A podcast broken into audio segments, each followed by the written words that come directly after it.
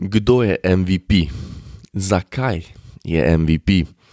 Glede nagrade za najboljšega košarkarja minule sezone se nas veliko ne strinja. A vseeno se zdi, da so kriteriji nekje v zraku, neotepljivi in preveč subjektivni za realno ocenjevanje sezone posameznika.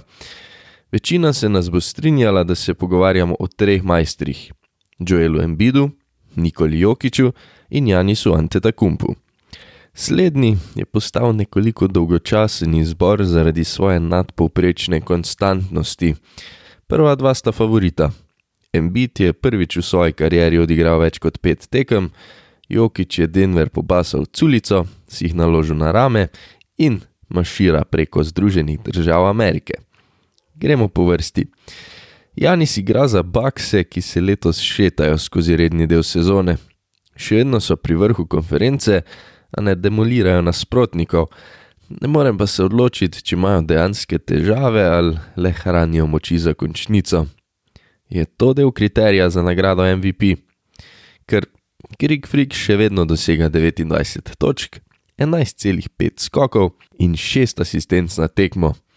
Poleg tega je en najboljših obrambnih košarkarjev. Ampak je obramba ekipe povprečna. Je to del kriterija za nagrado MVP? Tudi Joel Embiid jih suje 30 z dobrimi 11 skoki in 4 asistencami. Kar je za njim v letošnji sezoni X-Factor, je kar 58 odigranih tekem, pri čemer jih je daleč največ spustil zaradi COVID-a. Slednje ne bi smelo biti del kriterija za nagrado MVP. Jojo je imel eno noro obdobje, ko se je zacementiral pri vrhu potegovanja za nagrado.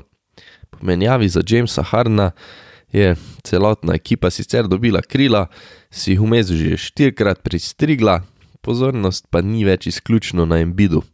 Je to del kriterija za nagrado MVP? Tudi Jokičeva statistika je nora. 26 točk, 14 skokov, 8 asistenc. Prvi dve metriki pripišemo centrom, 8 asistenc je skoraj smešnih. Lani so ga ameriški strokovnjaki, strokovnjaki v narekovajih, označevali za najslabšega MVP-ja v zgodovini lige, kar je sramotno. Letos je Nikola še boljši. Čez lužo imajo navado, da ne dajo radi nagrade zaporedoma v iste roke, če to ni res potrebno.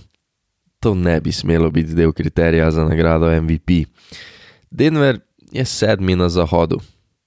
Ta številka v večini sezon gladko prečrta ime posameznika seznama favoritov.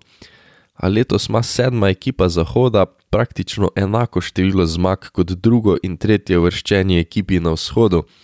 To sta ekipi, kjer domujeta Jokerjeva proti kandidata. Nikola v Denverju praktično nima pomoči, saj sta drugi in tretji igralec moštva poškodovana. Včasih se je zdelo, da je edini, ki zna igrati košarko, pa je ekipo pripeljal relativno daleč. Je to del kriterija za nagrado MVP? Iskreno mislim, da kipec še ni oddan in da lahko zadnjih deset tekem odločijo letošnjem zmagovalcu pa smo skozi moje nakladanje prišli kaj bližje kriteriju za naziv najboljšega košarkarja rednega dela sezone. Ja in ne. Nedvomno je treba gledati metrike, statistiko, število odigranih tekem, položaj ekipe na lestvici. A na koncu američani še vedno padajo na dobro zgodbo, narativ, okoliščine, ki jih posameznik piše.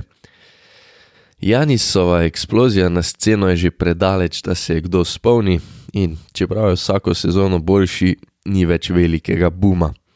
Jokič je lani pobral svojo slavo, Denver pa ni ravno moštvo, ki bi na drugi strani Atlantskega oceana vzbujalo ogromno zanimanja. Embit, klukice pri vseh kategorijah, velika persona, več dominantnih predstav. Ter, to je zelo pomembno, veliko sporednih zgodb, ko je Ben Simons dezertiral iz Filadelfije. Zaslužijo si vsi, napačne odločitve letos ni. Še vedno pa ne vem, kaj je del kriterija in kaj ne.